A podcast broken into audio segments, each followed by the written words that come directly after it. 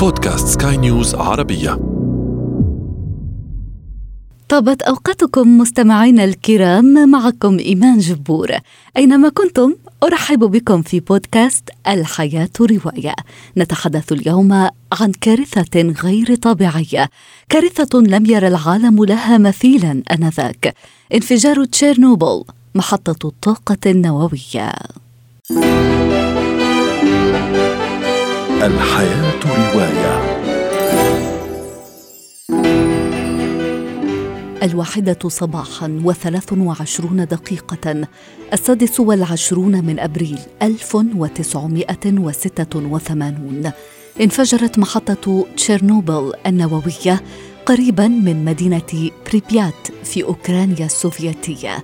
إلى اليوم لا تزال الأبدان تقشعر لهذا الحدث المروع.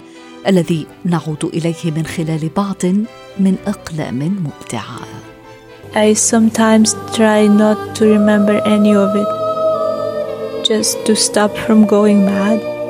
بكلمات الآخرين كتبت عن كارثة تشيرنوبل لم تكتب بنفسها لتترك من عاشوا الحدث يتحدثون ونحن نتحدث عن الكاتبة البيلاروسية سفيتلانا أليكسيفيتش مؤلفة Chernobyl Prayer أو صلاة تشيرنوبل We will wait for him together, and I will quietly say my Chernobyl prayer. عبر شهادات قصيرة سمتها المونولوجات ترسم لنا الكاتبة صورة الفجيعة التي حلت بأوكرانيا عقب انفجار المفاعل النووي دون أن تعبر عن موقف أو تعلق أو تصدر أحكاما فهي لا تحتاج إلى فعل ذلك لإقناع القارئ عندما تعطي الكلمة مثلا لزوجة الإطفائي الذي يفقد حياته جراء تعرضه للإشعاع الشديد خلال الحريق. أسبوعان من المعاناة الشديدة قبل أن يسلم الروح أمام عينيها. هي ظلت بجانبه ولم يثنها الأطباء عن زيارة هذا الرجل الذي تحبه أكثر من أي شيء. وهم يحذرونها ببرودة قائلين لا تنسي أن هذا لم يعد زوجك الحبيب. هذا الذي أمامك جسم مشع. ماذا تتخيلين؟ لقد تعرض ل 1600 رونتجن. بينما الجرعة المميتة لا تتعدى 400 أنت بجوار مفاعل. خلقت كارثة تشيرنوبل مواقف لا يمكن تخيلها. أهوالا تتجاوز الخيال الأشد وحشية. وكتاب سفيتلانا أليكسيفيتش أبرز الجانب الإنساني الموجود في هذه الكارثة التي تجاوزت كل شيء. قالت إنها أرادت إعادة تشكيل المشاعر وليس الأحداث. Chernobyl is on fire. And every atom of uranium is like a bullet, penetrating everything in its path metal, concrete, flesh. Now, Chernobyl holds over 3 trillion of these bullets.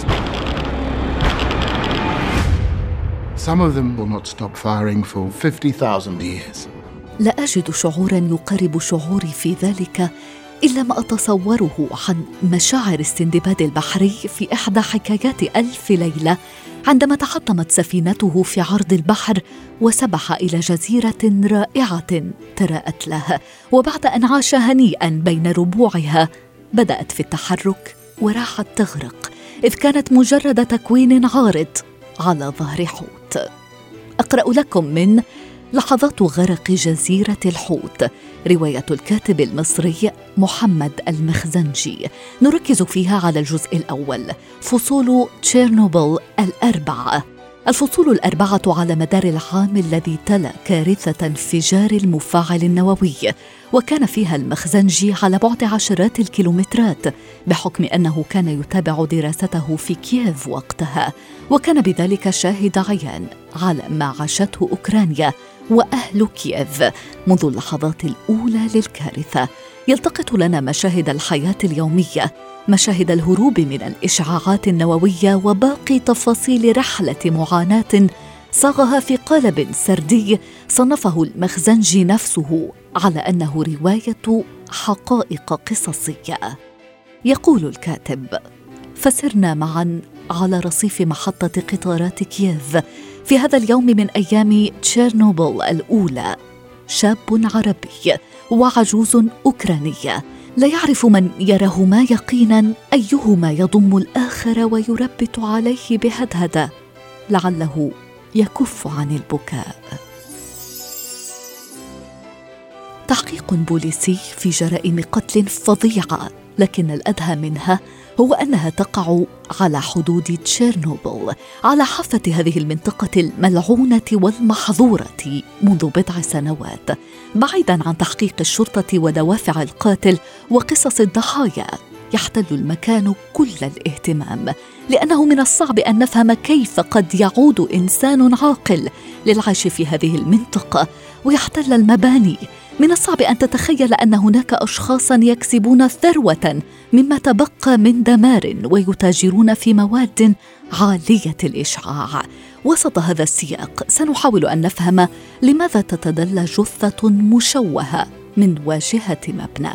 مرحبا بكم في رحلة إلى الجحيم في عالم لا يرحم لا يخلو من سفك دماء ومن مشاهد عنيفة وشنيعة لا تصلح لأصحاب القلوب الضعيفة. إذا صدقنا مؤلف هذه الرواية الفرنسي مورغانو دي فهناك أسباب وجيهة للموت وهو بالمناسبة عنوان الرواية ومنها نقتبس لا أحد يستطيع أن يسمي واحدا من هؤلاء الرجال الذين أنقذوا أوروبا من كارثة نووية غير مسبوقة. من كان يعرف أليكسي أنانينكو فاليري بيسبالوف وبوريس بارانوف؟ من كان يعلم أنهم قد تطوعوا للغوص في الحوض المغمور تحت المفاعل أربعة لتفعيل مضخاته وإفراغه من مياهه قبل أن يصل إليه اللب المنصهر. من كان يعلم أنه إذا انسكب ماجما اليورانيوم والجرافيت في الحوض لكان هناك انفجار ميجا أطنان. كان من شأنه أن يجعل أجزاء كبيرة من أوروبا غير صالحة للعيش. من يعرف؟ هذه الرواية بالإضافة إلى ديكورها وحبكة أحداثها وشخصياتها المحببة أو البغيضة تعلمنا الكثير من الأشياء عن الحياة على أنقاض تشيرنوبل. الحياة رواية. وفي ختام هذا العدد أشكر لكم وفاءكم وطيب إصغائكم مستمعينا الكرام. بإمكانكم تحميل هذا البودكاست عبر منصات أبل وجوجل وغيرها حيث بإمكانكم أيضا ترك آرائكم وتعليقاتكم ومقترحاتكم. كنت معكم أنا إيمان جبور. يتجدد لقاؤنا في العدد المقبل.